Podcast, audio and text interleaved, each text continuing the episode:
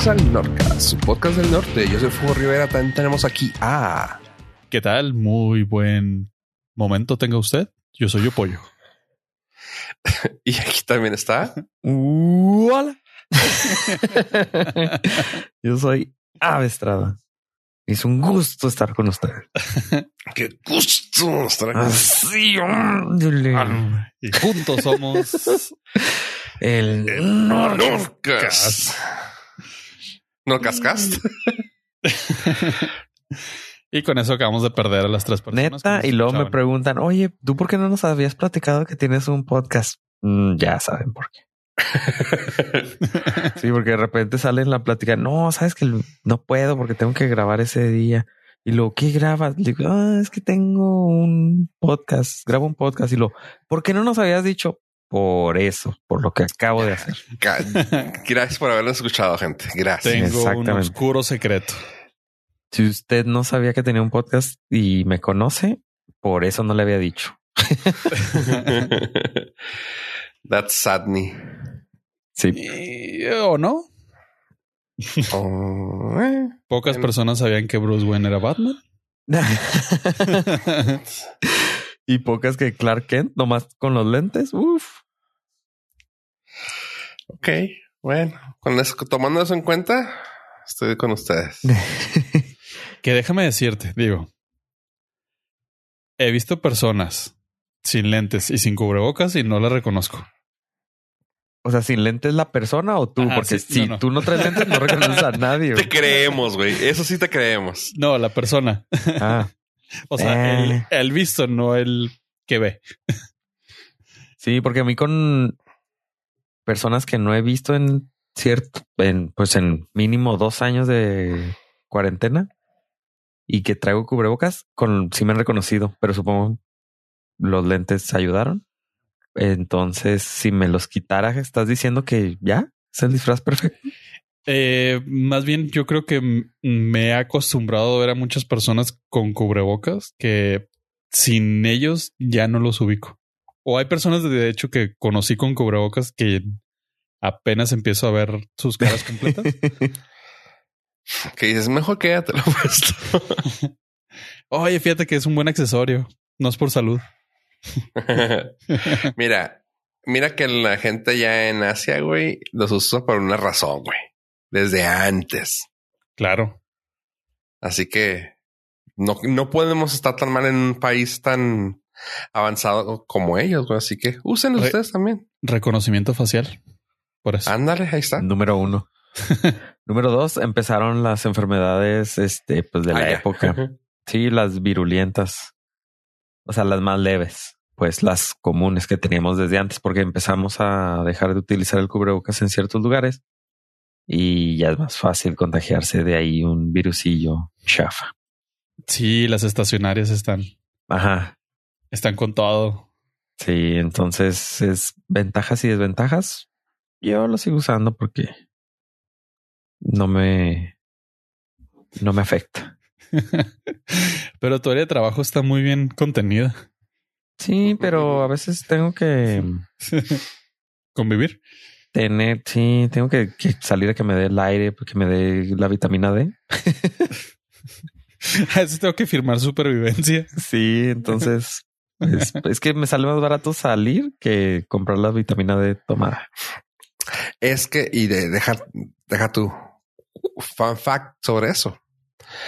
Puedes tomar mucha vitamina D, güey, pero como la ah, asimilas es con el sol, güey. Ahí está. O sea, no, no, si la tomas no te va a hacer nada, güey. El que te ayuda a metabolizarlo es el sol. Así que no que te dé el sol y la vitamina D. Te ayuda a que lo metabolices. Ahí está. Lo ha, tienes que lo ha dicho eso. un experto. Porque, sí, porque yo también lo, lo trabajé eso, así de que, güey, tengo que ese día que me den la vitamina y no, no, ya me lo dijo alguien que me regañó. Y yo, ok, perdón, perdón, chingada madre. Bueno, pero si se va a poner en esa actitud, pues ahora ni salgo ni me tomo vitaminas. Exactamente. y uso cubrebocas aquí adentro, como la ven. Sí. Y háganle como quieran. Ay, Jesús. Y cuando haya gente me lo quito. Así de rebelde soy. ¿Y qué? Sí, entonces pues sigan usando, no pasa nada. Cuando, sobre todo si están enfermos, nos hacen un gran favor a los que salimos una vez y luego para salir y contagiarnos de algo. es que sí, sí, neta, neta, neta, neta, eso no ha cambiado, eh. La gente que he tenido el, no sé, el mal momento de verlos tosiendo, estornudando. Y así, neta, o sea, no hemos aprendido nada. Después de tres años no podemos tener, no sé, un poquito de empatía. Decir, a ver, compré la caja de 50 mil, me quedan 49 mil 500. si ando enfermón, pues agarro un cubrebocas, no me pasa nada. Sí, ahora ya, o sea, sí te ven feo porque dicen, ay, ya, no necesitas usarlo, pero ya te ven menos feo que hace dos años y medio, tres. A mí, sabes qué? y es una cosa que yo no, yo no aguanto y no es porque sea nada contra los niños, pero también es de, güey, ¿a ¿por qué los niños nos traen sin nada, güey? Y lo peor del caso es que los niños son los que así con todo y la flema y con la tos de perro de, y tú, güey, ese niño, ¿dónde le salió esa voz, güey? O sea, pobrecito, cabrón. Es el diablo. que, ajá, ándale. ¿Qué onda, mijo? Sí. O sea, pero así de que tú, güey, no mames, güey, ¿por qué dejan a los niños sin cubreboca, güey? Porque aparte, sin cubreboca y no se tapan porque son niños.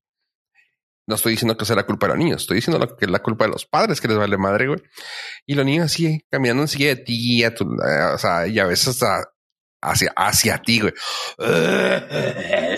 Y tu güey, no mames. Se limpia el moco. Y Ajá, así con tu pantalón. Y tú, ah, demonios, este pantalón no lo iba a lavar hasta tres meses después. No le, tocaba, le faltan tres semanas. Le faltan tres meses, lo acabo de sacar. Pero sí, así las cosas, Armando. Pues no sé. Afortunadamente no me ha tocado mucho ese caso, pero sí, entiendo por lo que puedes estar atravesando y pues hashtag todos somos fofo en solidaridad. Hashtag, ¿dónde se usa el hashtag? En Mastodon. Ah, Porque como yo no pago Twitter, no me deja ponerlo. Oh. Lo voy a pagar un mes nomás. Para, tener la verificación. Tomarle foto y luego ya ponerla, ponerla de. ponerla de fondo de pantalla en Mastodon. Sí, ponerla de banner en Mastodon. Estuve yo era el verificado en Twitter. Yo era de los verificados. Sí, pues muchas gracias por preguntar cómo estuvo mi semana, pero eh, estuvo mejor que los em, que la de los empleados de Twitter. Y mucho mejor que la de Elon Musk, seguro. Porque sabes cuántas recordatorios y cuántos gritos le debieron de haber llegado, a sus oídos o no. Sí, pobre de su mamacita. Pobre, no deja tú, pobre, su social media manager, güey. Imagínate todo lo que le llegó al pobre, güey. No, no creo que tenga no social creo que tenga. No. No, tendría filtro. Sí. Muchísimo filtro. Y ese, esos tweets van así derecha a la flecha. Vale, oro. Sí, sí. No habría propuesto una cantidad de chiste para comprar Twitter para empezar. Sí, si tuviera alguien que le dijera, mm, no creo que sea buena idea, señor. no es. o sea, social media manager. Si por social media manager te refieres a alguien que le tuitea lo justo, así letra por letra lo que dice, puede ser. O que le lea los tweets que le mandan, ¿sabes? Los DMs. Señor, le llegaron tres DMs, se los voy a leer. Eso pudiera ser. No lo creo, yo tampoco. No, no, no, pero suponiendo que tuviera social media manager. ¿qué haría? Pues nada más le leería cosas. O le diría, tiene dos notificaciones, señor. Y lo, Entonces le, podemos decir eh, el asistente de Twitter. Mm, pues sí. O sea, si llegara a tener algo. Pero no creo yo tampoco que tenga. No, se me hace el tipo de personas que no confía en nadie. Y digo, muy probablemente no vaya a resolver algo súper vital e importante en un DM, pero conociéndolo, igual y sí. No, pero cuando menos se pone de acuerdo, ¿no? O, sea, a lo mejor a alguien le pasa la contraseña de, de la, la, no sé, del, de la puerta de entrada de, SpaceX vía DM alguien. O cuando le, menos le dice, mm, cuando llegue ahí, ahí voy a estar, ahí lo veo cuando llegue. Mínimo. No, se, se- se me hace más, eh, más reckless. Sí, así como que ah, vas a, sí, vas a SpaceX. Sí, ok. El pin es 1111 X. X gato. Sí, pues esta semana estuvo fea para los empleados de Twitter, ya que despidieron, creo que la mitad. Hasta ahorita, lo que sé, ¿De la mitad para atrás o de la mitad para adelante? de todos lados. Se me hace que fue campechanadito. Sí, porque acabo de leer una, yo no sabía que se tenía en California. Tenías que mandar así como a la Secretaría de Trabajo un comunicado avisando de cuántas personas ibas a despedir. Y para mm, febrero 23 del, no, para febrero, en febrero del 2023 van a despedir a 700 personas. Holy shit. Y viene desglosado, viene nueve directivos así top y así viene desglosadito de qué nivel van a despedir gente. Está cura porque digo, no sabía de eso y viene, o sea, está triste porque dices, bueno, si yo me quedé, ya no me tocó la primera oleada de despidos, pero la que viene, pues ya, o sea, qué feo. Entonces, se metió, sí se metió en broncas porque a los que llegó, llegó cepillando, que por cierto, no sé si vieron que los corrió con un correo electrónico con un meme. No es cierto. por eso no tiene social media manager porque nadie en su sano juicio. ¿No te sabías esa fu? No. Sí, ok. Va- supongamos que tú eres don empleado de Twitter, llegaste a tu oficina y tienes un correo de Elon Musk, correo en tu Gmail. Lo abres y dice, eh, señor Fofo Rivera, está usted despedido. Y luego un, un meme de él diciendo, you are fired. Ay, Hasta No, eso. No te creo, güey. Sí, hasta eso. Lo que han comentado diferentes fuentes es que por lo menos se tomó el tiempo y la dedicación de no hacer un meme genérico. A cada uno le puso uno diferente. Ah, no. ah, no, no está bien, güey. Está bien. Ya, No yo lo veo bien. cierto. No sé si eso es eh, maquiavélico o de plano es un genio de la comedia incomprendido. Es un Yo creo genio, que sí es incomprendido. Así los despidió. Es que un vato se aventó todo un rant de. Dice, no me, no me agüita que me hayan despedido. Digo, yo pensé que iba a conservar mi trabajo. Dice, la forma en que me despidieron, no, no puedo superarlo. Y el vato muestra el correo, o sea, lo imprimió. No, Ay, o sea, en cualquier otro trabajo que vayas, nadie te, no, no vas a tener esa experiencia jamás. qué bonito, güey. Nunca. Está, está padre. Digo, ojalá, porque si no, ya todo se fue al carajo. o sea, si ya todos empiezan a despedirte con memes, ya es que ya la humanidad ya llegó. Algo, algo, algo malo hiciste. No, Sí. la humanidad. No, ya la humanidad ya no tiene remedio. Ya llegamos al, al fondo del barril. Sí. Pues bueno, la semana pasada les platicamos que Elon Musk ya es dueño de Twitter. Esta semana, como se pronosticó, iba a darle eh, pues oportunidad a los empleados que buscaran nuevas oportunidades en otra empresa.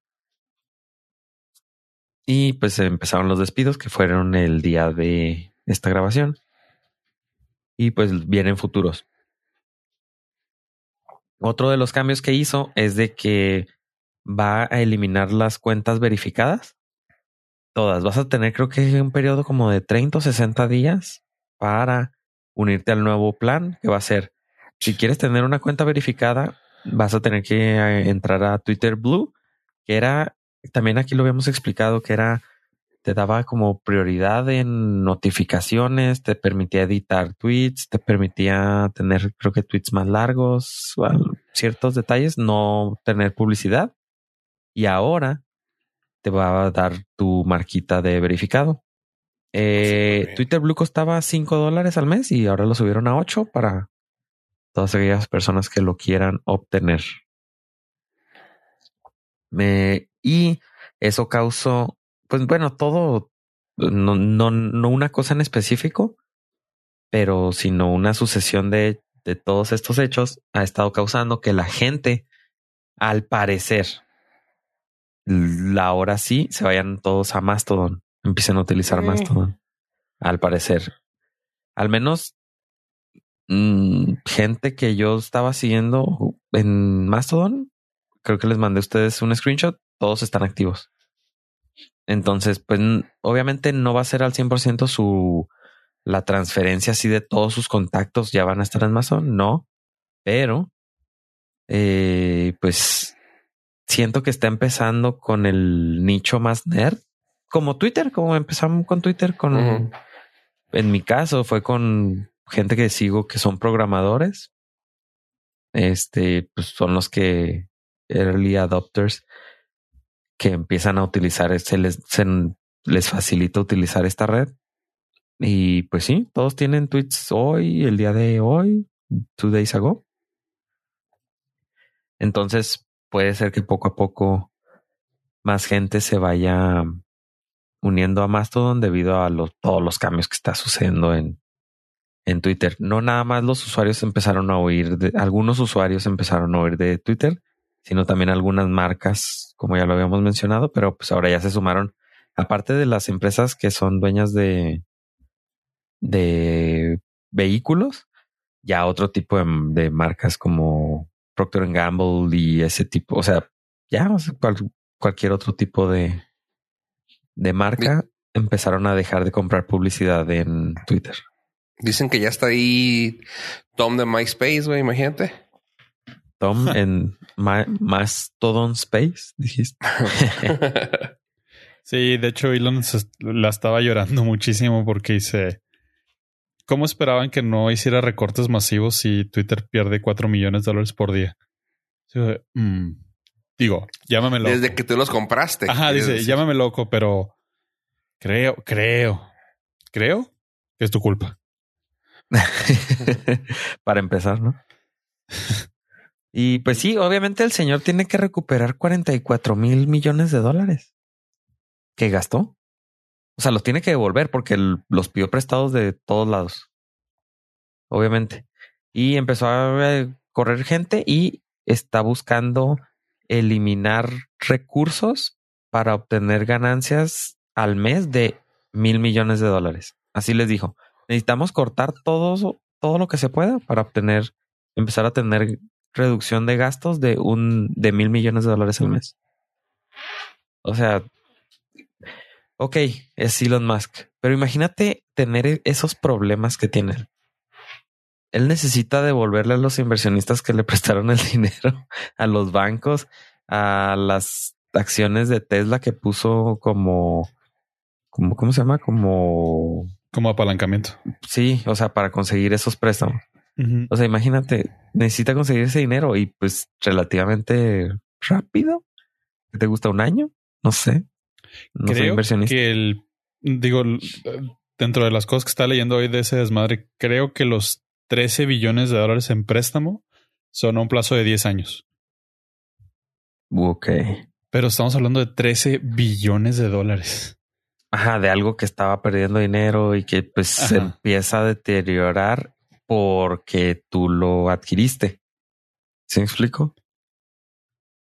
Uf.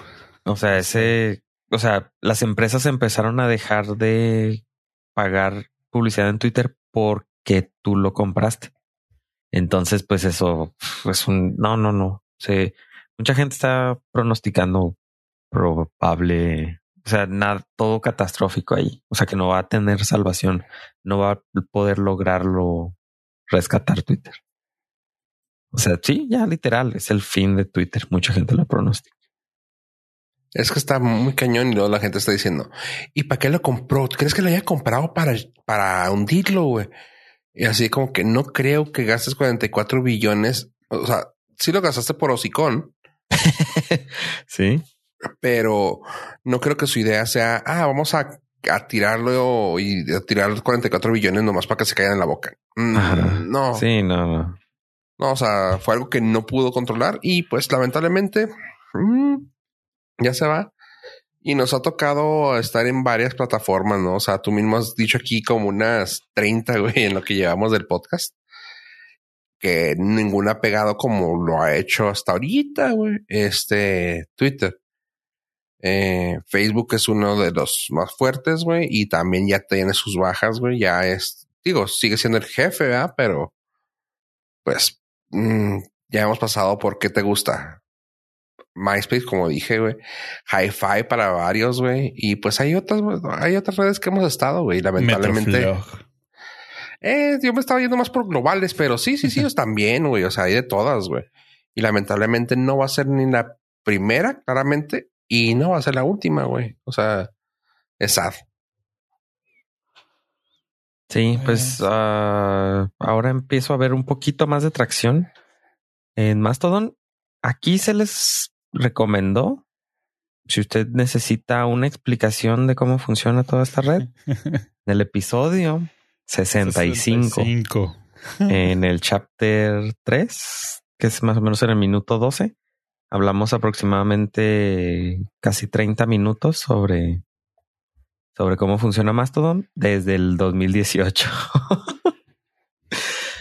y pues ahí, ahí, ahí estoy viendo algunos refugiados en algunos servidores. De, o sea, refugiados de, de personas que no son programadores, sino personas este, que hablan español, que son mexicanas. Ahí este, he estado viendo algunas listas de, de usuarios que ya empiezan como que, o sea, ahora sí ya se, se hartaron. Pero, pues a ver cuánto dura la atracción. Es que oh, las otras veces habían sido por tonterías y la gente había querido emigrar, migrar. Entonces no se pudo, pero ahora, pues, pues en una de esas Twitter desaparece, o sea, la neta. Sí. o, sea, está, o sea, ya está dentro de las posibilidades. Antes igual y no, decías, no, pues no me gustan las políticas que están llevando. No va a desaparecer Twitter, pero pues yo no quiero participar. Fue mi motivo, por ejemplo. Pero ahora, pues, despidieron a la mitad de las personas. No, igual y no funciona como, como ahora. O sea, deja de funcionar porque gente capacitada ya fue despedida o se quedaron eh, una gente por departamento una persona por departamento. Entonces, pues igual y empiezan los problemas ahí.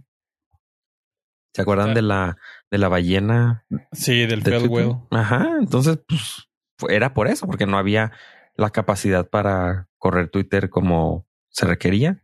Entonces ahora puede que suceda otra vez eso. Híjole, sí, está, es que está bien difícil el tema de Twitter porque igual, o sea, no es ni por lejos la plataforma más utilizada pero tiene una importancia enorme. Sí. Y Mastodon sigue, le sigue siendo muy difícil de usar para el usuario promedio.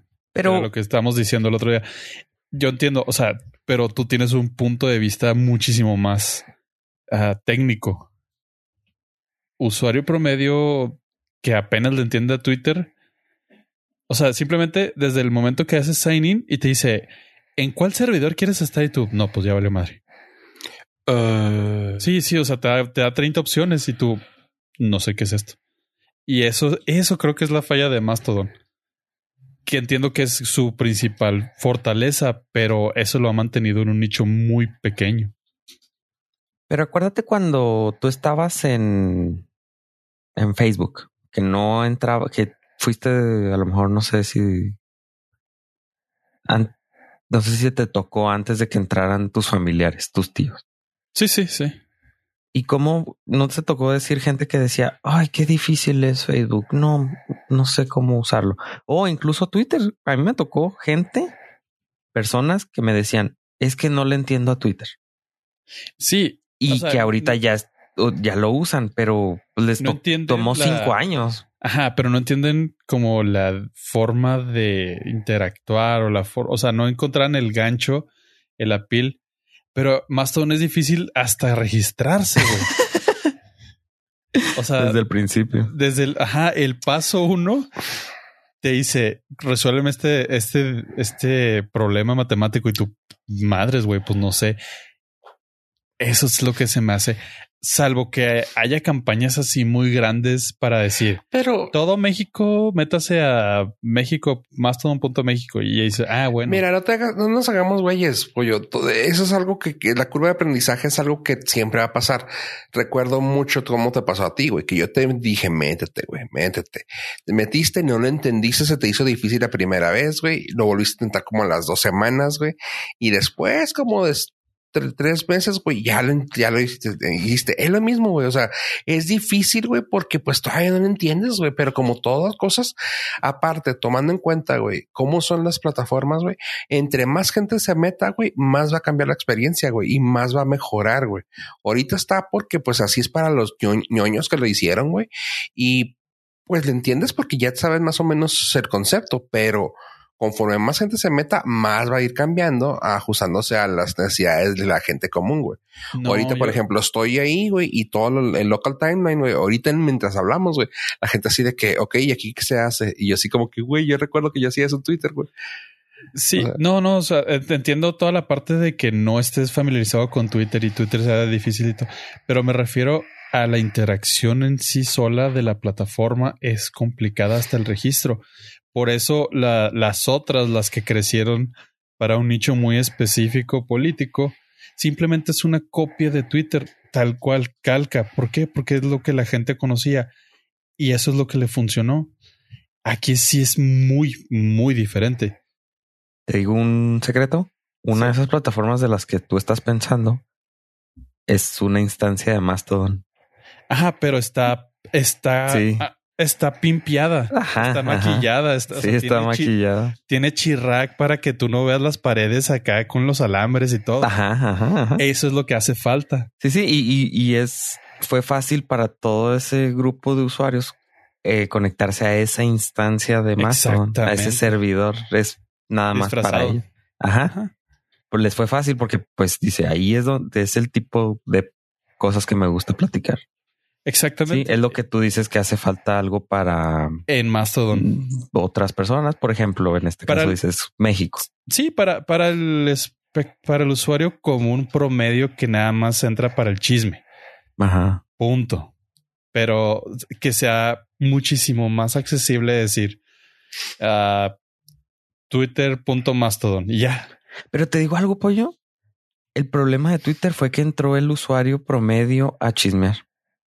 Ese fue Sí, el problema realmente. Sí y no. Sí y no. O sea, Porque, Porque- o sea, s- entiendo el mame de que oh, Twitter era muy bueno y todo. Sí, pero si no hubiera entrado el usuario promedio, Twitter no tendría esa relevancia en lo mediático y en el poder que, que tiene hoy en día, tanto político como social. ajá, por eso digo que está bien, porque que está bien que no haya una red social que tenga ese, ese poder. Power, güey. Ajá. No, pero es que va, a tenerla. O sea, el poder nada más va a migrar a otro lado. Y ahí es donde está lo interesante de decir a dónde quieres que migre ese poder. Sí, tienes razón. O Sí, sea, antes poder- estaba en, por ejemplo, antes podías decir que estaba en las televisoras aquí en México. Exactamente. Y luego migró a otra. Sí, No puedes, no puedes negar el hecho de que no, no, es que no quiero que exista. No, o sea, va a existir, quieras o no, pero. ¿dónde lo encausas? Pero mira, en ese caso, yo siento que es mejor que sea ah, federado, güey. O sea, sea una, una instancia abierta, güey. Como lo es aquí, güey. A que una compañía tenga el poder. Porque si te acuerdas las veces que quisimos dejar a Twitter, era por eso, güey. Porque decías, güey, esos güeyes están haciendo cosas que no me convienen, güey. Y al final del día era de lo que llegamos a platicar aquí alguna vez. Güey, tú, te- tú optaste por meterte en una compañía, güey. O sea, tú eres el producto de Twitter, güey. Ah, que querían vender, ¿no? Que iba todo, todo lo que tenías ahí en Twitter era parte de alguien, güey. Aquí no, güey. Aquí es, confe- es federado, güey. Es, es de todos, güey. Así que el poder va a estar en poder de, pues, quien no quiera seguir, güey. Sí, pero lo que dice Pollo es de que como no va a poder concentrarse todo eso en un solo lugar, se va a ir a otro lado, va a existir. O sea, ese, todo ese, sea, la materia en este caso podría decir que se, no se va a deshacerse, nada más se va a transformar, va a Ah, cambiar de manos. Sí, sí, sí, sí. sí. Y va Pero- a cambiar de manos a cosas más organizadas, estructuradas, eh, friendly user. User friendly, ajá. Esa madre. Eh, y ahí es donde ahorita está el peligro que yo veo realmente. Porque todavía siento que ahí puedes sondear hacia un lado u otro, pero si dejas que, no sé, esa parte ya organizada y estructurada se, apore- se apodere del, del control mediático del power, sí. Está muy complicado. Sí, tien- tienes razón, no lo había visto desde ese punto de vista. Mira, por ejemplo, una de las cosas que dice Pollo, que las que sí lo entendía yo, es tiene mucho que ver a qué servidor te metes. Suena bien tonto, yo sé, pero yo les dije ahorita a los chavos que yo me, yo no alcancé a registrarme en el servidor que Pollo y Ave están, que es uno como que más abierto. Yo me metí a uno que era muy techy, que yo seguía ese, ese canal de, de podcast, bueno, ese podcast. Y fue así de que, ah, qué chido. Y no, claro, pura gente tech. Y no estaba chido. O sea, realmente mi timeline ish es que aquí en, Mastodon existen dos timelines, por así decirlo. Está como el que es de tu servidor, la gente que está registrada donde tú estás, y está la gente que está registrada en general. O sea, el, el- ahora sí que en el abierto.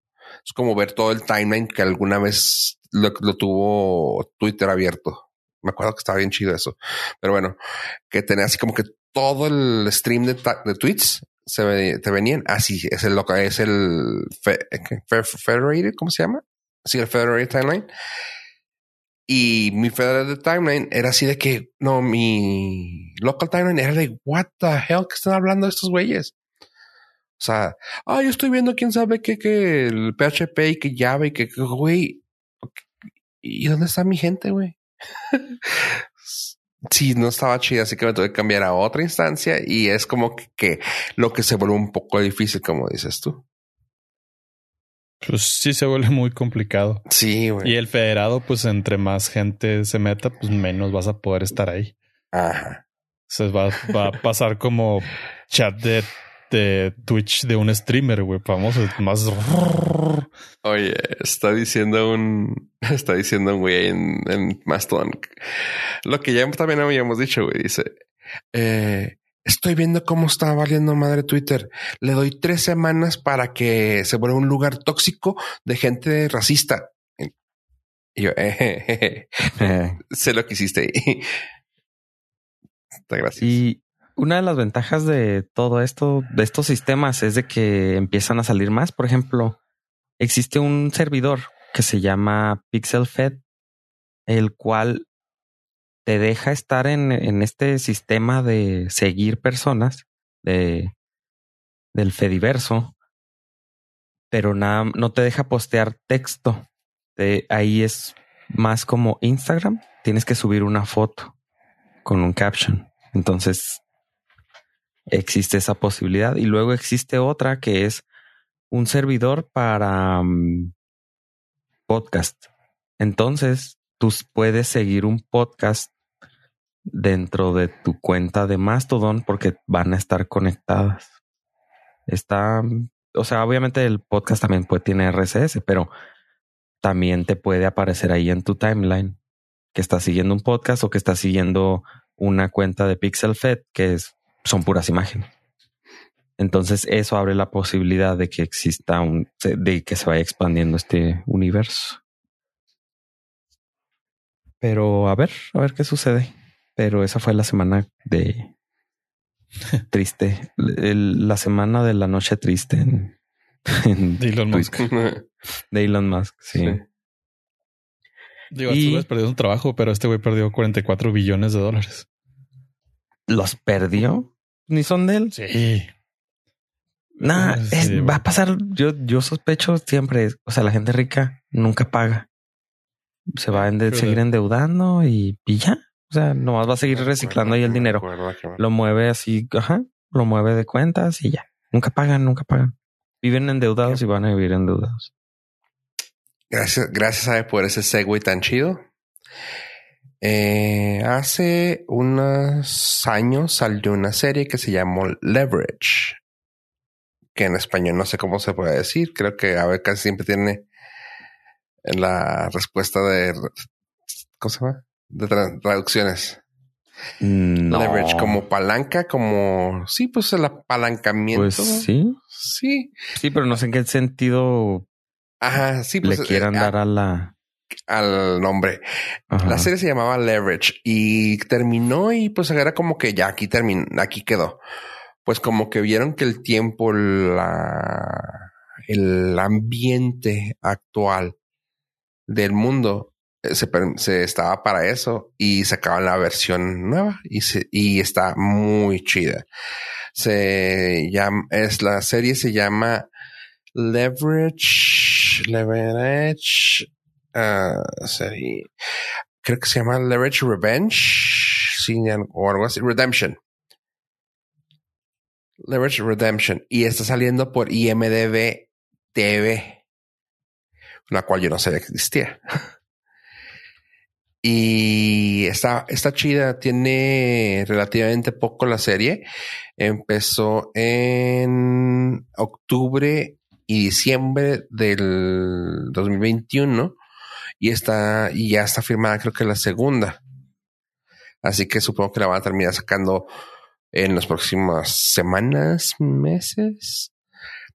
Eh, y ahorita que dijiste eso de que la gente rica hace lo que sea, ahí te va. La sinopsis así muy rápida es, son gentes especialistas en un ramo que está el, el ya sabes, sí, como típica serie o película de, de heist, de que está el hacker, está el golpeador, está el, el ratero, está el así, y es un equipo que se dedica a nivelar las balanzas, en este caso hacer leverage, hacia que la gente pobre o la gente que es más, pues, ha sido afectada por gente de dinero, ponerle las balanzas a, a la par. Que si, que si, por ejemplo, me gustó mucho uno de los episodios nuevos que era de que una compañía farmacéutica eh, sacó un producto que claramente sabían que iba a ser adictivo y que le, tuvieron demandas y la fregada y el señor hizo lo posible por hacer lo que, que, que tenía que hacer y no pagó nada según esto. Y las familias perdieron sus casas, güey, por gente adicta, güey, y hasta que unos se murieron. Así que entran estos güeyes así de que lo van a hacer pagar, güey. Y está bien chido, o sea, está muy padre porque estás hablando de eso, o sea, de que, y dicen, güey, la gente con lana, güey, siempre sale con las suyas y nosotros estamos aquí para eso. Y yo, ay, qué chido está esto. yo había visto la primera temporada, pues me gustaba mucho cómo actuaba un actor que se llama Christian Kane, que de hecho acabo de verlo salir en una en una serie o una película, no me acuerdo en qué lo vi. Ah, sí, en una película, en una película con esta Angelina Jolie. Ya es una película vieja, pero lo, lo, Life or Something Like It. Era la pareja de, de Angelina Jolie. Total. Les recomiendo la serie. Si la pueden encontrar, se llama Leverage Redemption. Así que ahí está. Gracias. No, pues ahora va a haber gente que va a tener este mucho tiempo de verla. ah, sirve que se sienten así como que sí, claro, sí se puede. Consigamos un hacker que se, que se pueda meter a hackear una llave. Sé por qué, ah, pero ya sabes que luego en las series son así de que, ah, claro, te puedo hackear el abanico. Oye, pero esa, esa serie se me hace que ya la había visto. Me acuerdo de una historia que vi. Se llama un señor, creo que Hood. No sé si se ah. Roberto Ro, Robi, Robin, creo que se llama. ¿No? Sí, cantaba la más de... o menos. Can... Sí, salía esta Emily Ratajkowski en su video, ¿no? Robin Tyke. no, estoy hablando del señor Robin Hood. Ah, o sea, le quitaba, le quitaba a los ricos para darse a los pobres porque para balancear, ¿no? Pues es más sí, o menos sí, la sí. historia de Robin. De hecho, básicamente sí.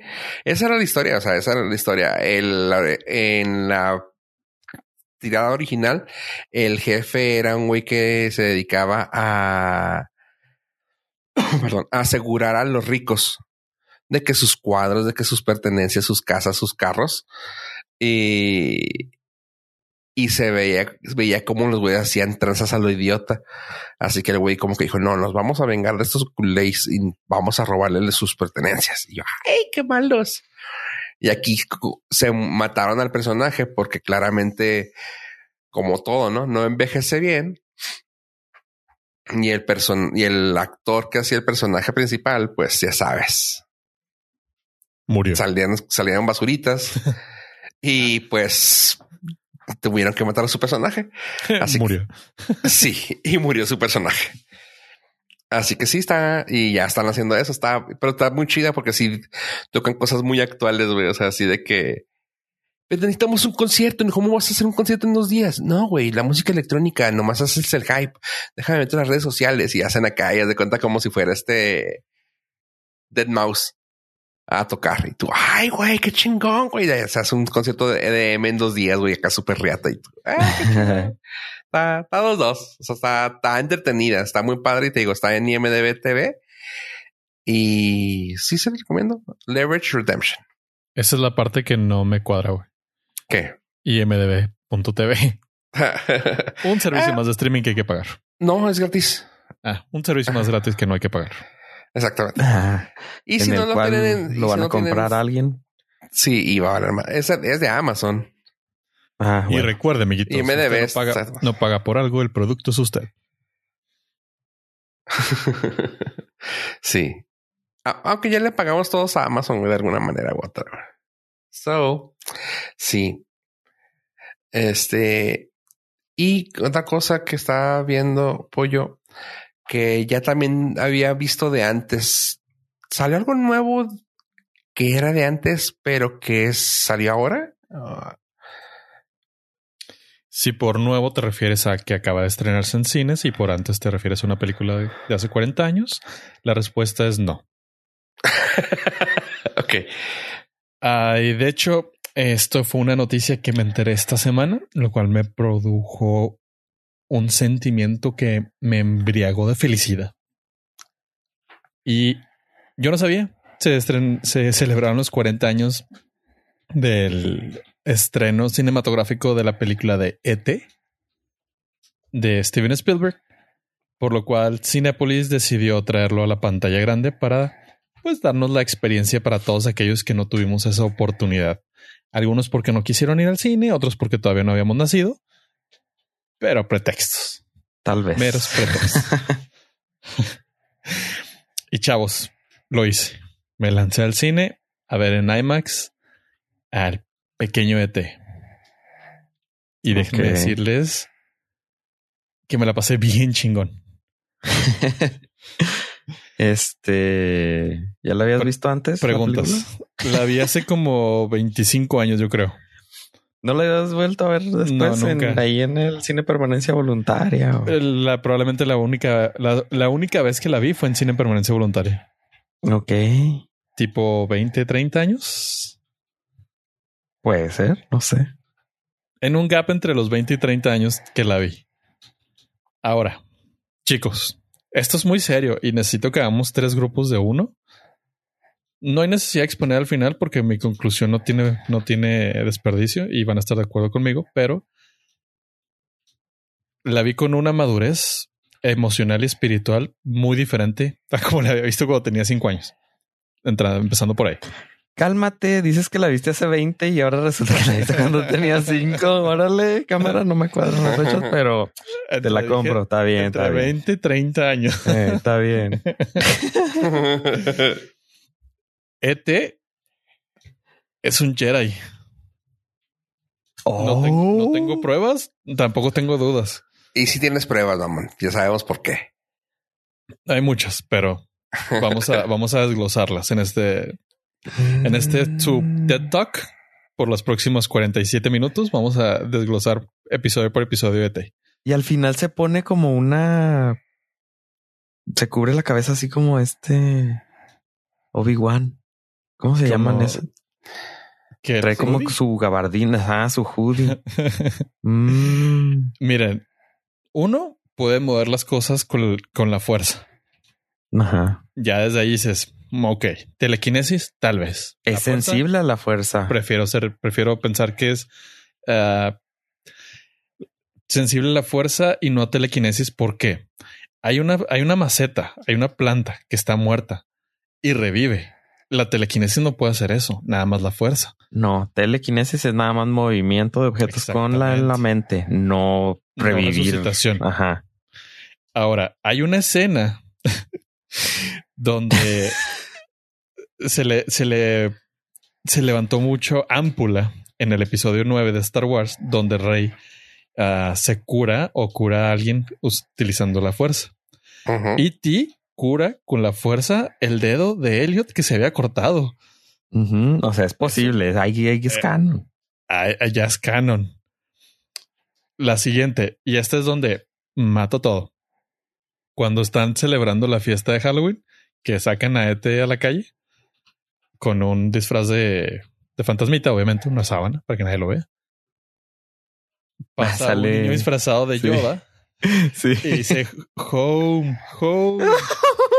Lo reconoció, es su maestro. Sabía que era el maestro Yoda. Por eso dijo home. Para que se lo llevara. Se lo llevara a su casa. Ya. Después de ese, después de esa evidencia eh, irrefutable, dije: Este güey o es force sensitive y se quedó en el entrenamiento, o es un Jedi. No tengo pruebas, no tengo dudas. Conoció a Yoda. Seguro que sí. Sí, tienes razón. No. No, este, no voy a debatir lo obvio. te fuiste jefe con eso, ¿eh? Y, no te puedo debatir nada. Ahora, si la vuelven a ver, véala con ese, con esa óptica y van a sentir bien diferente la película. Digo, sabemos, y esto es canon también, en el episodio 1, cuando está toda esa cosa del Senado que la gente odió, pero nos mostraron que la especie de los de los cities estaban en, el Senado Galáctico. O sea, sí es canon que ah. existen. Cierto. Entonces, yo la vi y dije, estoy viendo una película más de Star Wars y me enamoré. Aparte que tiene, tiene ese vibe viejito muy bonito.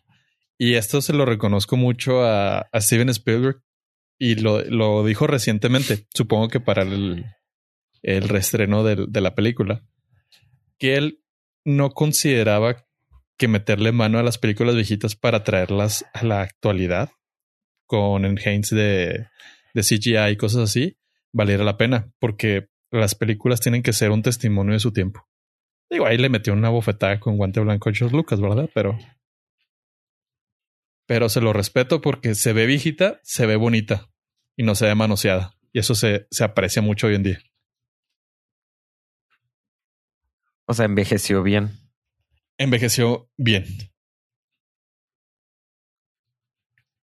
Digo, ya cuando estás grande, pues ves cosas que antes no veías como pues por dinero no andaban sufriendo, manejaban Audi, tenían una casa de dos pisos, como de 350 metros cuadrados, patio enorme, el predial debe ser altísimo, lo podían pagar, su refrigerator estaba lleno, dejaban la luz prendida. Digo, era una clase acomodada, ese lado estaba cubierto, pero te da oportunidad de disfrutar otras áreas y matices de la película, como que E.T. era un maldito Jedi. ¿Por qué maldito, güey? Porque, y esto es, esta es mi teoría, el vato se iba a morir sin haber confesado que era un Jedi. Y así estuvo escondido a esta verdad ante los ojos de la humanidad hasta que lo vi hoy. Bueno, recientemente. Y me, no sé, me emocionó. Pero si alguien me hubiera dicho E.T. se trata de un Jedi, lo hubiera visto varias veces antes. Oye, ¿y cuánto tiempo va a estar la película en cines? Bueno, al menos aquí en México. Días, un par de días, creo que nada más son cinco o seis días. Y eh, si tienen oportunidad de llevar a, a la familia, hágalo. Es una película muy bonita, muy blanca, de esas que ya no hay. Y muy, muy disfrutable. Está no sé, eh, se me hace raro. Estaba platicando con, con una compañera en la mañana donde me decía, es que está padre, está bonita. Me dice, pues sí, hay muchas así. Le digo, no, es que no hay tantas así hoy en día. Porque todas las películas bonitas, blancas, son animadas. Ya no hay películas como diseñadas para hacer blockbusters que sean dirigidas a ese, no sé, a ese mercado. Y esta funciona para toda la familia. Sí, Digo, sale Drew razón. Con, con cinco años, creo tenía. Sí, se siente como de Pixar, ¿verdad? Se siente, sí, sí, sí, pero IRL. Cierto. Bueno, a ver si alcanzo. No sé. A mí me tocó ver la de Volver al... Bueno, yo fui a ver Volver al Futuro también así como en edición de 30 años, una cosa así. Ya ¿Al fui a verla al cine, sí. Y qué chula. Pero la de T no, no me enteré antes. es, es un fenómeno que está bien padre. Bueno, yo al menos lo disfruto un chorro, que es ver películas de ese calibre, clásicos, grandes clásicos de debajo de los noventas para atrás en el cine. Se Sí, porque se no nos tocaron. Sí, no, no. no. no había forma que nos tocaran en, en, en su momento. Sí, no, no, no. Y hay películas que en el cine se disfrutan bien diferente, bien diferente. Y esta sí fue una de ellas. Va, te la compro. Así que si pues no pierde nada, chequenle, denle una vueltita a su Cinépolis de confianza. Bien cura. eh, en la aplicación me aparecía en los, en los stands electrónicos físicos en el cine, no me aparecía la película. Ok. Entonces tuve que, tuve que acercarme a la ventanilla con la persona de verdad para preguntarle qué, qué, qué rollo. Y me dice, no, sí está. Y yo, ah, ok, es que tus máquinas no están. No, es que nomás es una función. Y yo, ah, ok. Supongo que les dio para programarla. Sí, para una función mejor no gastamos en eso. Sí. Me dice, no, pero sí está. Y yo, ah, pues órale, sí, sí quiero. Seguro, porque no quiero. Eh, ok, ok. Ah, qué chido, qué chido que volvió y qué chido que pudiste verlo con esos ojos tan pispiretos, digo, tan, tan adultos como los- como lo viste ahora. Sí, caray. Ah. Oye, y lo, a ver, ¿qué más viste esa semana? Porque ahora tú fuiste el que viste cosas. güey. Sí, no sé de dónde me sobró tiempo esta semana. A ver, Pero- no sé, tal vez un miércoles, no sé. No sé, es un llámame loco. ¿Quién Pero sabe? bueno, voy a pasar por lo bonito y luego me voy por mi recomendación de la semana, que está fuerte. ok. ¿Se acuerdan la semana pasada que hablamos del documental de Checo? Ajá. Checo. sí, que casi ni te gustó. Casi no me gustó. bueno, si no tuvieron suficiente, ahora se estrenó una miniserie de cuatro episodios en Star Plus que se llama Checo. Ah, pensé que era lo mismo. No, no, no. Uno es un documental de Claro Sports y este es un mini, es una miniserie también documental de Checo. ¿Cuál es la diferencia? Ninguna. Nada se crean. Esta es muy reciente, muy, muy reciente. Cuando digo muy, muy reciente, la carrera de la semana pasada de México está en este documental. Lo cual no necesariamente Ah, es una cabrón. buena noticia. Pero vámonos por partes, dijera Jack. Eh, fue un proyecto que se firmó desde hace, al parecer, un año.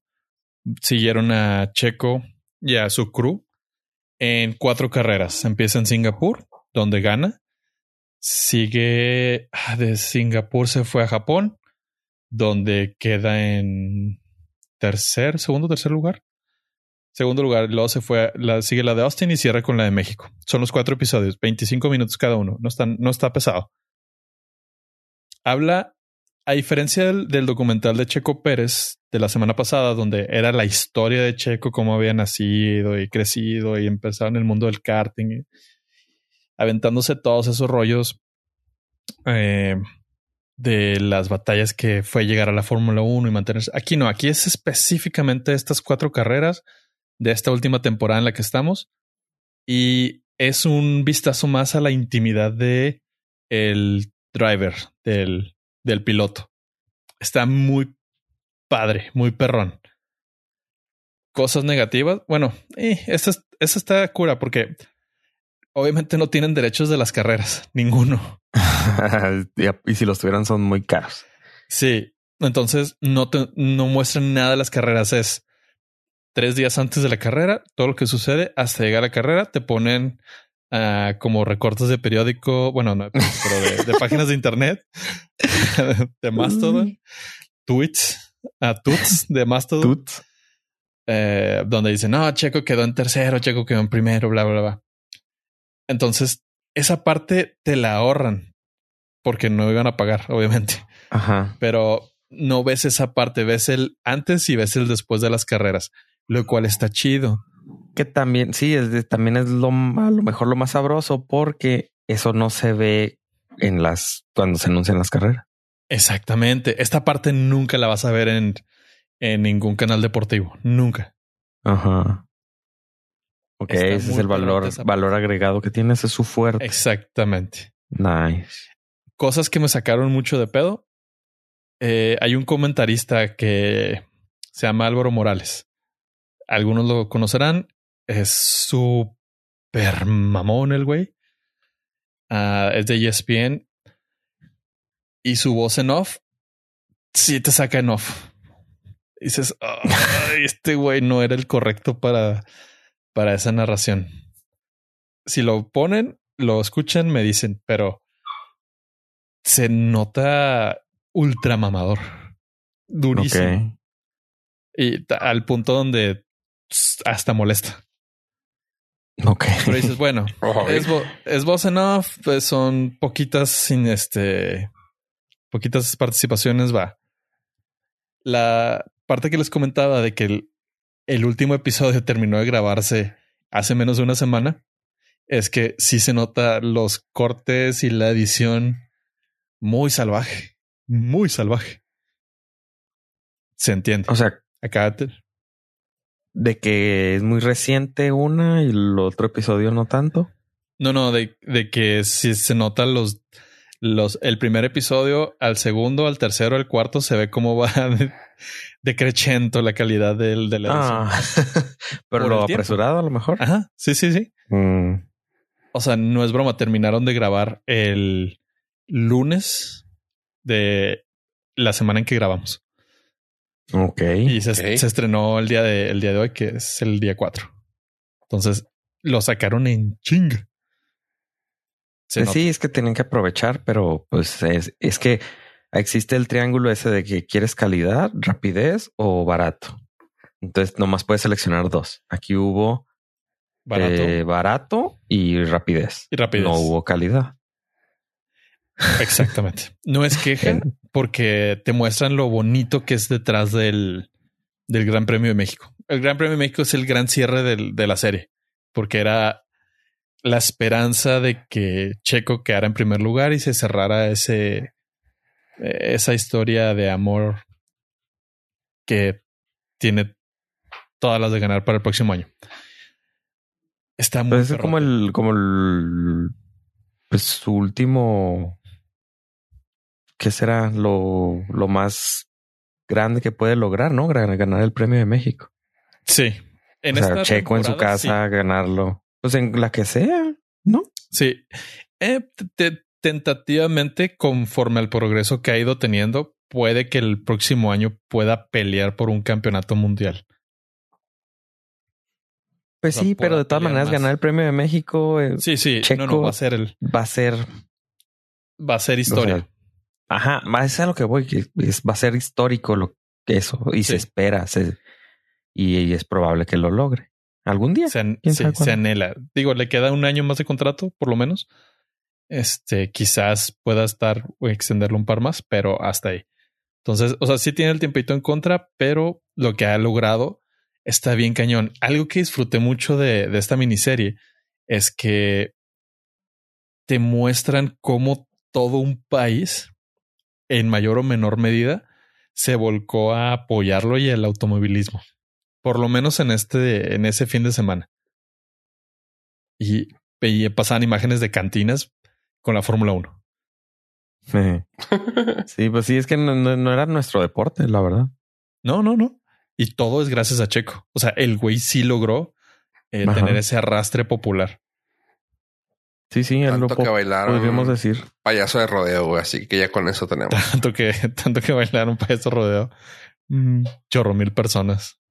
Sí, se podría decir que lo popularizó en México. Güey, Es Totalmente. un naco, güey. Ay, cómo, cómo maman con eso. Ese, ay, puro Villamelón, dude. Claramente los tres fans que había antes de la Fórmula 1 no eran suficientes para que México fuera relevante. Ahora resulta que son fans de la Fórmula 1 de toda la vida. Por favor. Sí, sí, sí, sí. Al contrario, entre más fans eh, encuentre el deporte, igual hasta el, el premio de Cancún que quieren abrir para el 2024 26 podría Ajá, se logra. Sí. claro. Pero bueno, esa está en Star Plus. Es una miniserie, cuatro episodios, Ok. 20 minutitos. Está chido. Y si más o menos han visto las carreras o el- si les interesa ver el mundo detrás de las carreras, porque les digo, este no tiene nada que ver con las carreras porque no pagaron los derechos. Entonces no te van a mostrar nada de eso.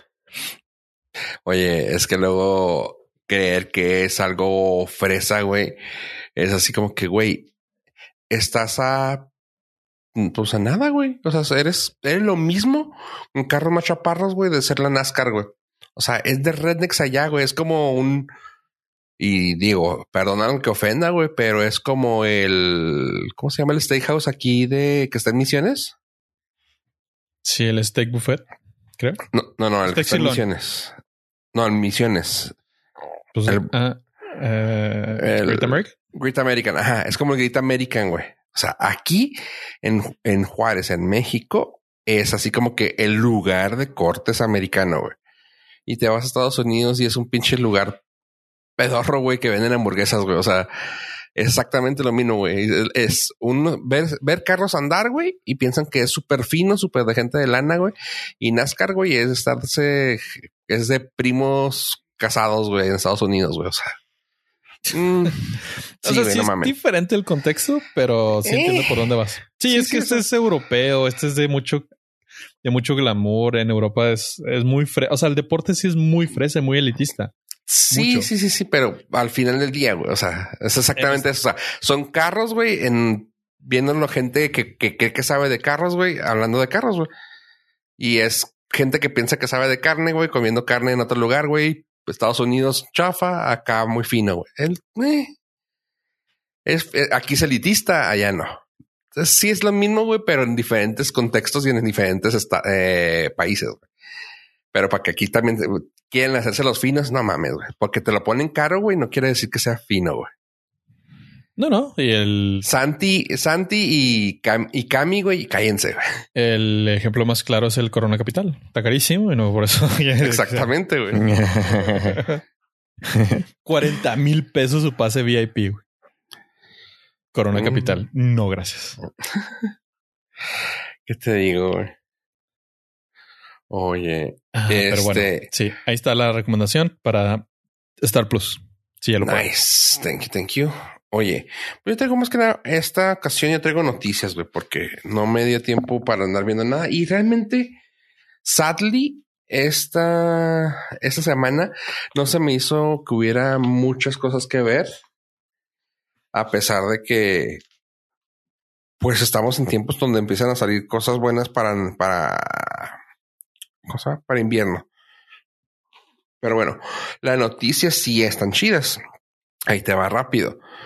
Ah, pues bueno, estuve en una llamada con la gente de Discovery, güey, y me enteré por ahí, güey, que la filmación para Joker ah, 2 empieza ya en diciembre. Y que ya también dijeron, güey, que se tiene que armar rápido, güey, la de Batman con Pattinson, ya, güey. Ya pusimos a alguien a cargo de DC, güey, y queremos que este vato, güey, nos haga todo DC, güey, un mismo, un, un mismo universo, güey. O sea, vamos a enfocarnos en lo que les deja dinero a Disney, güey. Eh, en el mundo del cine, güey.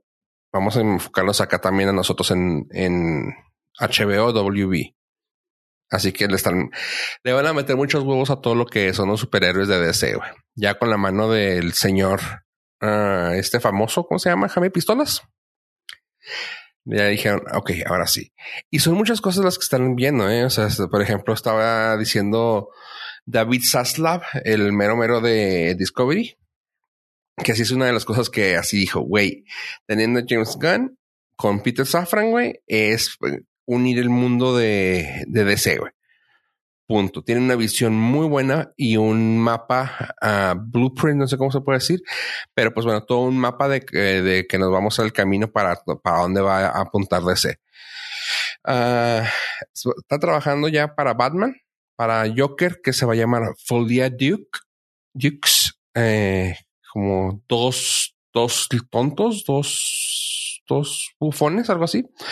Eh, también eh, Blue Beetle que ya también ya está ah, nomás en, postproducción. Batgirl, que la tuvieron que meter al, al closet. Así que pues también parece que ser que puede ser que la vayan a sacar. Y pues con el, el, nuevo aire de Black Adam, que hasta la fecha lleva 254 millones globalmente, cosa que es una de las más altas vendidas de DC. Vaya, güey, al fucking fin. Y si están por sacar ya la de Shazam, en marzo 17, parece que es la fecha. La de Flash, que pues no saben cómo le van a hacer, pero pues van a terminar sacándola porque esa sí les interesa que salga, pues dinero, dinero, dinero. La de Blue Beetle, que había dicho en agosto de 18. Y ya después Aquaman hasta el próximo año en Navidad. Y ya tienen fecha, que eso se me hace raro porque apenas van a empezar a grabar. La de Joker para octubre 2024. Esto ya sé que a muchos no les interesa, tipo yo ya sé que los superhéroes ya tienen un poquito harto, pero me emociona saber que ahora le toca a DC hacer este tipo de anuncios. Como que quiero darles el beneficio de la duda de decir, ahora sí, prove me wrong. O sea, muéstrame, muéstrame tu poder satánico, diría, diría, ¿cómo se llama? Tati Cantoral, güey. Quiero ver qué, sacan ahora, güey. Pues sí que referencia. Sí. sí, sí, sí, Me sorprendió, pero ah, de buena manera. Apruebo. Así que. Este, pues, ¿qué te digo, Fofo? Buena suerte. Sí, yo también. O sea, no te, no te decepciono. Cállate. Bueno, y la otra noticia que traigo que es siguiendo con ese tema es que HBO va a cancelar ya Westworld. Después de su cuarta temporada, ya dijeron los señores de traje de HBO W que Westworld. ¿Saben qué, güey? No me estás, no me, no me está sobrando. Es que le prestamos dinero a un compa que compró una compañía ahí chafona que está corriendo gente. Y pues queremos correr un chingo de gente también acá. Y entre tantas, pues ya también Westworld llegó a su, llegó a su fin. Está cabrón pues porque es una serie que pues duró más de lo que esperaba y a la gente sorprendió un chingo, pero estuvo bien rara. Fue como un, como una llamada de petata, ¿no? Porque me acuerdo que en su tiempo también uh, The Walking Dead, ¿no? Era de que, güey, ¿ya viste que salió este episodio?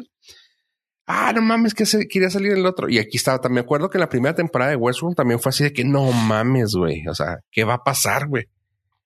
Luego la segunda fue como que, ah, pues este güey va a salir este güey.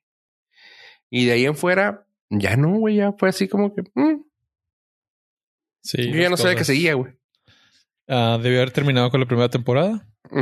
Sí, exactamente aprovechó muy bien el hype del público cautivo que habíamos pagado HBO por las últimas temporadas de Game of Thrones. Ajá. Sí, ya la tenías ahí.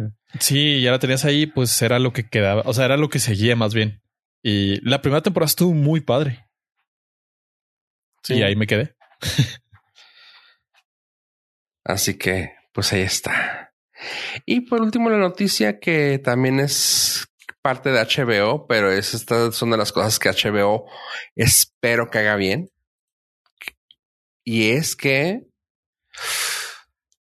eso creo que creo que lo llegamos a platicar aquí en el podcast de que yo no tenía yo no tenía PlayStation y, aquí el pollo tenía el suyo y me acuerdo que le dije, güey, renta un juego, me voy a jugar a tu casa. Pues cállate, güey. Llegué, me senté como, ¿qué fue, pollo? Como lo de la comida, ¿va? Más o menos. Llegué, me senté a la hora de la comida, le dije, ok, ahí vengo, pum, me puse a jugar Last of Us, este videojuego tan, pues tan, sí, sí, sí, fue importante en, en el mundo de los videojuegos, fue, marcó un, un parteaguas para el storytelling. Entre ellos también está Assassin's Creed y unos, no me acuerdo qué otros, pero así de que las historias eran importantes. Ya de ahí en adelante, pues hay un, ya salió un chorro, pero me acuerdo que Last of Us fue así de que, güey, esta es una, es una película ya hecha, güey. Ya no necesitas hacerle nada, güey. No le muevas, güey. Ya está hecha, güey. Nomás pon actores de verdad, güey. Y llenan los vacíos que te pueden haber dejado vacíos. Y eso fue lo que hicieron. Eh, Last of Us ya, ya tiene fecha definitiva para salir y va a ser en enero 15 de este próximo año. Eh, parece que va a salir en, la, en, el, en el horario de las 9 de la noche en HBO. Así que se me hace que va a ser una de las cosas que va, va a hacer un chingo de ruido. Si le logran pegar, va a ser una chingona de serie. Pues aunque no hayas jugado alguna vez, güey, te va a llamar la atención. Eh, si, a ver, ¿tú llegas a jugar las voz? No, no, no, no, Nada más he visto. Pues así, ¿Viste la película de Logan? Sí. ¿Te gustó? ¿O se te hizo dura? O sí, estuvo, estuvo bien. Es que ese es, ese es, el tropo que se le conoce como el Lone Wolf and Cub. Es el tipo de historia de storytelling que se le hace. Y este es básicamente Logan luego dijeron, güey, fue basada en las tabas, güey. Ese tipo, ese tipo de tropo tiene, güey, de que el, la persona que ya no tiene nada que perder, güey, se encuentra con el, pues el cub, aquí el, ¿cómo le llaman en español? Cub, el cachorro. El, sí, pues sí, el cachorro, güey. Y se vuelve su, su tarea, güey, su labor de vida, güey, protegerlo. Y está muy densa la historia, güey. Está muy densa en el punto de que está chingona, güey. Está no densa que te vayas a terminar con cara de no mames, no, ya no quiero seguir. No, güey, está muy chingona, güey. Así que pues, si todo sale bien. El Mandalorian, cuff, cuff. Ajá. De hecho, aquí el señor. Hasta el mismo actor, güey. Sí, güey, es el mando. Este. Pedro Pascal. Pedro, Pascal. Ok. Sí, va a estar aquí ya involucrado, va a ser el papel principal. Así que Ay, güey, espero que lo hagan bien, porque si, si hay, there's a lot writing on that.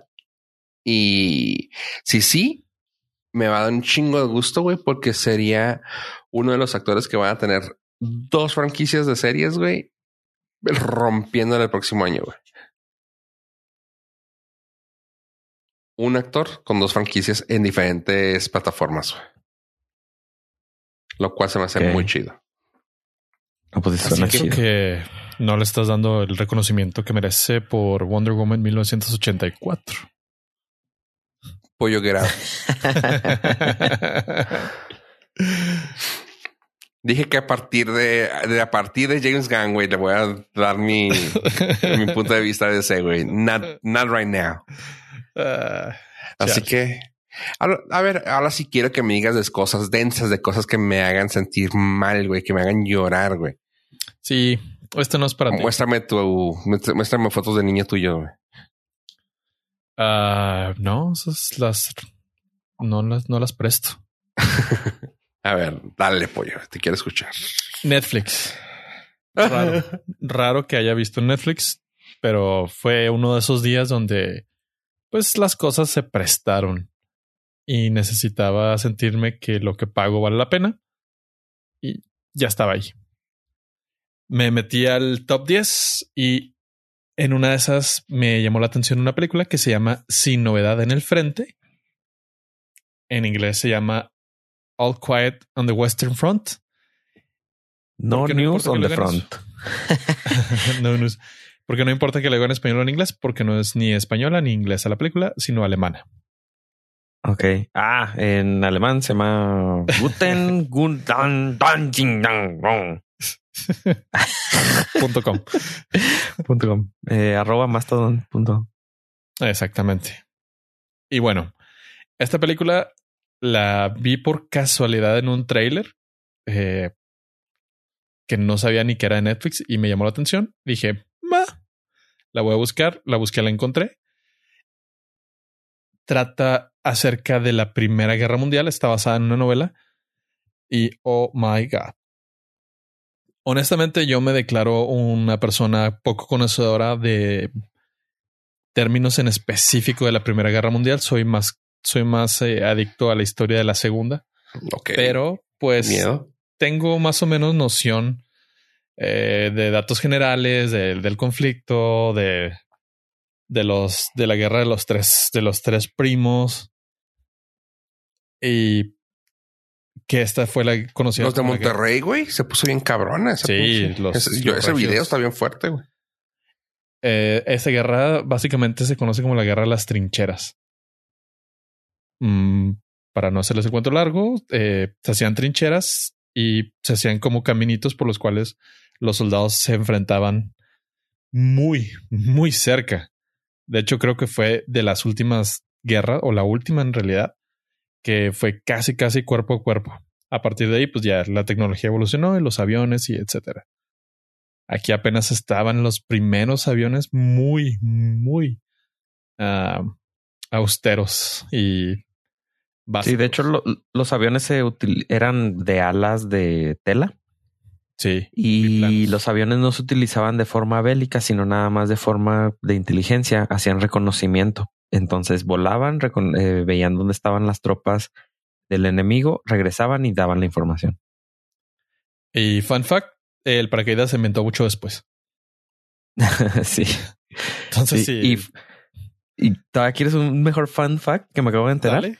que la primer eh, pelea aeronaval fue en México. Se dio en 1900. ah, en- estoy en- entre 1903 y 1916. Fue Álvaro Obregón.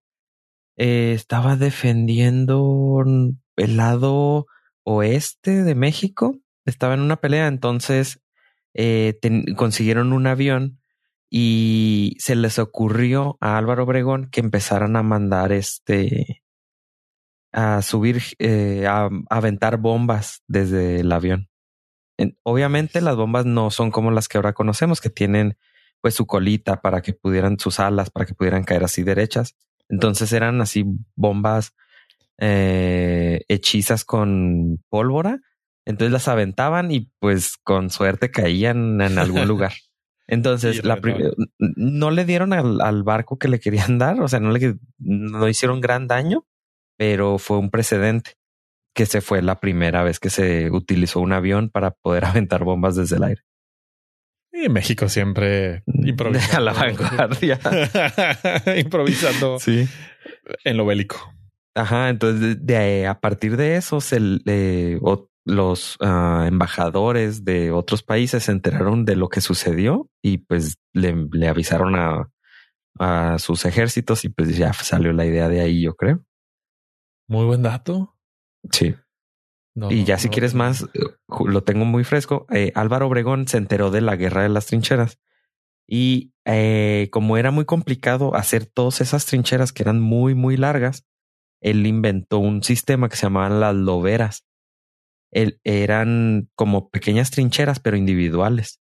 Entonces hacía el soldado llegaba y hacía, excavaba su hoyo y así, así tenían varios hoyos en el campo de batalla y se tenían y se iban brincando de hoyo a hoyo, de lobera en lobera. Ese Nice. Álvaro Obregón era tremendo. De hecho, sí, tiene muy, tiene unas historias muy macabras como las que nos acaba de contar. sí, sí, sí, sí. O sea, tam- también le giraba para inventar muchas cosas para eh, el campo, pero pues también para la, la cosa mala también le, le giraba. Sí, y bueno, y también México en esos años era altamente bélico. Estábamos, Sí, sí, durísimo. o sea, peleándose contra Estados Unidos y así. sí, estábamos Cosas- en épocas post revolución, entonces sí estaba, Ajá. sí, estaba muy caliente la silla presidencial y wow, muy buen dato. Sí, pero Ah. disculpa esa desvío. No, no, es un brevario cultural muy bueno. Se le agradece al historiador aquí, el señor Estrada. maestro, maestro. claro, luego les platico más historias. Síganme en Mastodon para más historias de historia. ya te sigo, ¿eh? Y, ya también interactúa para que lo saques de la lista negra. Pero bueno, eh, ¿de qué va la historia de, la película? Acompañamos básicamente a un soldado eh, alemán.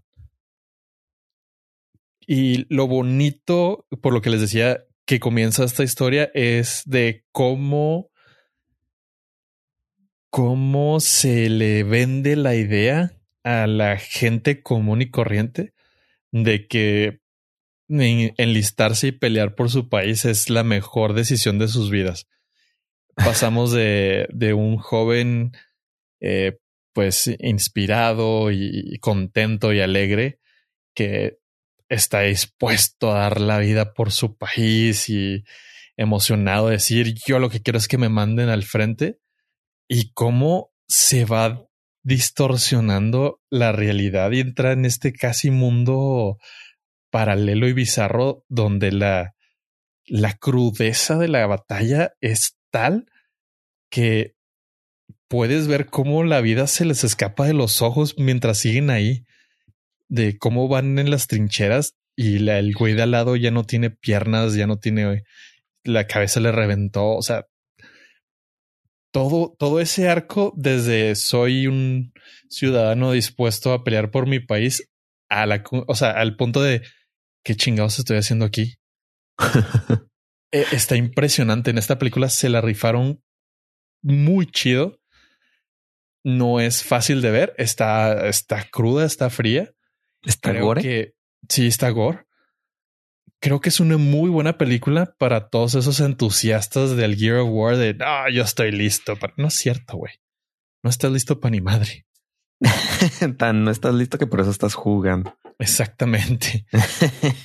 o sea, y e, esa, esa parte donde te muestran que cómo el ser humano pierde su humanidad, vale redundancia, e, es desgarradora y más por los motivos, porque te pasan todo este desmadre en las trincheras y luego los generales tomando té y comiendo caviar a toda madre y los políticos eh, riéndose y se hijos de su madre. O sea, y después cuando empiezas a, a, empaparte un poquito más de la historia de por qué es la Primera Guerra Mundial, dices, no puede ser, no puede ser que seamos tan idiotas como especie. No puede ser que esto sea un problema entre mm. tres primos. Sí. Y, pero bueno, eh, vale muchísimo la pena, vale muchísimo la pena que se avienten. Es de las mejores producciones que he visto que estén en Netflix. No creo que sea Netflix Original, pero por lo menos sí tienen los derechos y está pues ahí en su catálogo. Ok. sí, no suena la típica película de Hallmark de que siempre está en top 10 de Netflix. ¿De Navidad? sí. Esto suena más chido que sí esperaba muy poquito de lo que pudieras comentar de esa película. Porque tú eres de los que también se avienta esas, entonces. Sí, no, no, mm, totalmente. Pero sí, pero esta suena más chida. Y sobre todo porque me vino a la mente lo que dices y creo que no ha envejecido nada eso de motivos de guerra, y cómo es la situación, porque pues ahora con el conflicto que está, se está viviendo en Ucrania, eh, siento que debe ser lo mismo, nada más actualizado con uniforme nuevo y armas más modernas. Totalmente. O sea, debe ser el mismo sufrimiento, el mismo, este, la misma gente de abajo peleando, los de arriba disfrutando. Totalmente. No, no importa no importa en qué momento de la historia de la humanidad moderna puedas poner este mismo escenario, el resultado y el trasfondo siempre es el mismo.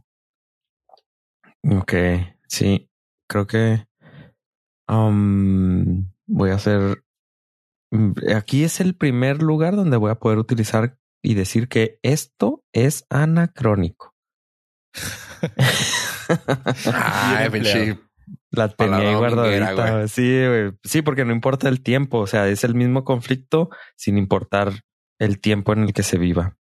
O sea, los, el soldado va a seguir batallando lo mismo y va a estar en la misma situación de sufrimiento. anacrónicamente. Ay, ya le metí más letras. güey. Ya, ya, ya, ya. Anacrónimos. Sí, esto es anacrónico.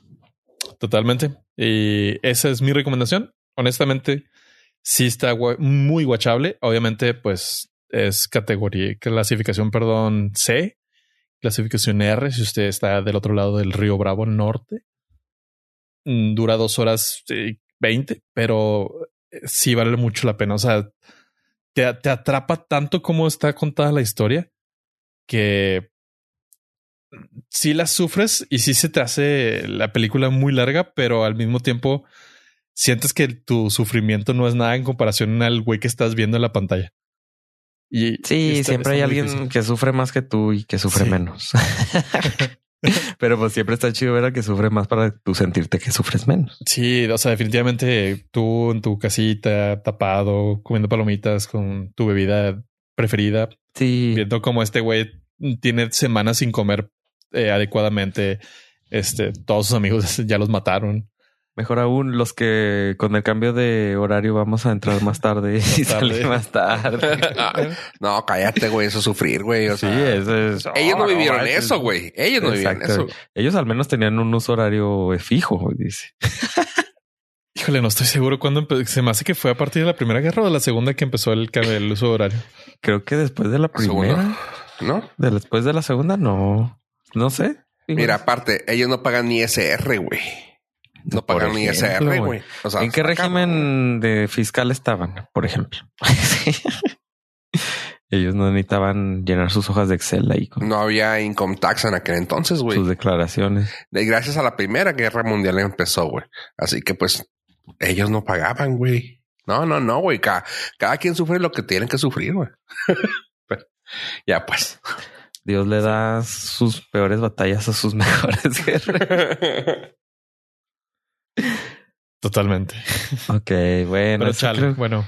esa creo mi- que sí, sí me dan ganas. Sí, mi luego te diré si la vi o no. Güey, sí le ando poniendo un 9 de 10. Oh, perro. A la madre, ¿te Sí. gusta, te gusta estar Pues- roto, ah?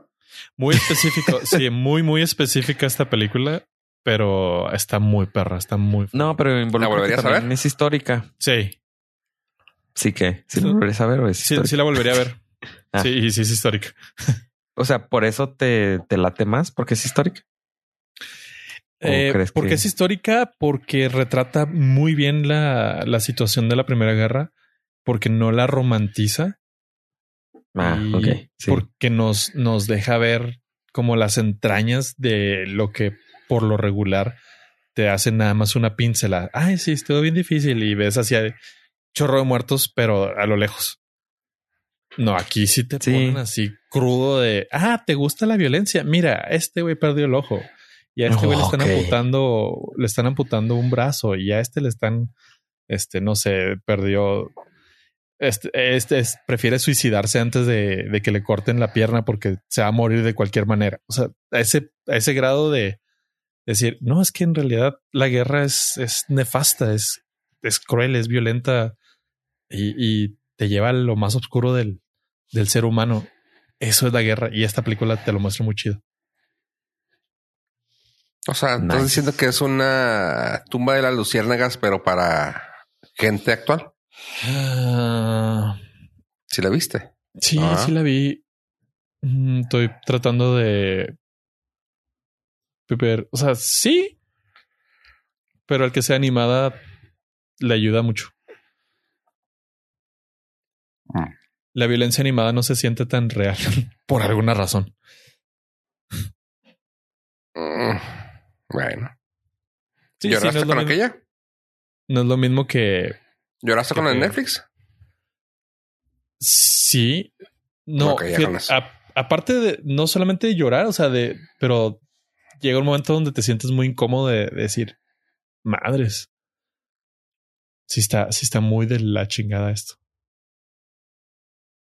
No, no es, no es este, no es, eh, no es tramposa la película, no trata de hacerte llorar Ok. y eso está chido. Nice, nice, nice, nice. Pollo, te quedaste muy serio. estoy reflexionando sobre la guerra. Ok. bueno. Y pues creo que alguien más tenga algo que decir, aparte de que esta fue una gran película, gran recomendación y que probablemente la vaya a tener que ver para poder llorar con pollo. ¿Nadie? No, no, ok. pollo.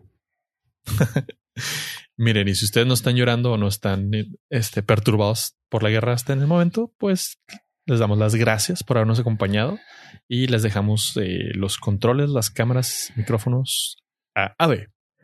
Y si usted cree que este episodio fue anacrónico, háganoslo saber en nuestras redes sociales o en contacto arroba norcas.com.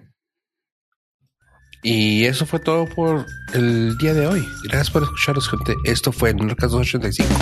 Adiós, adiós.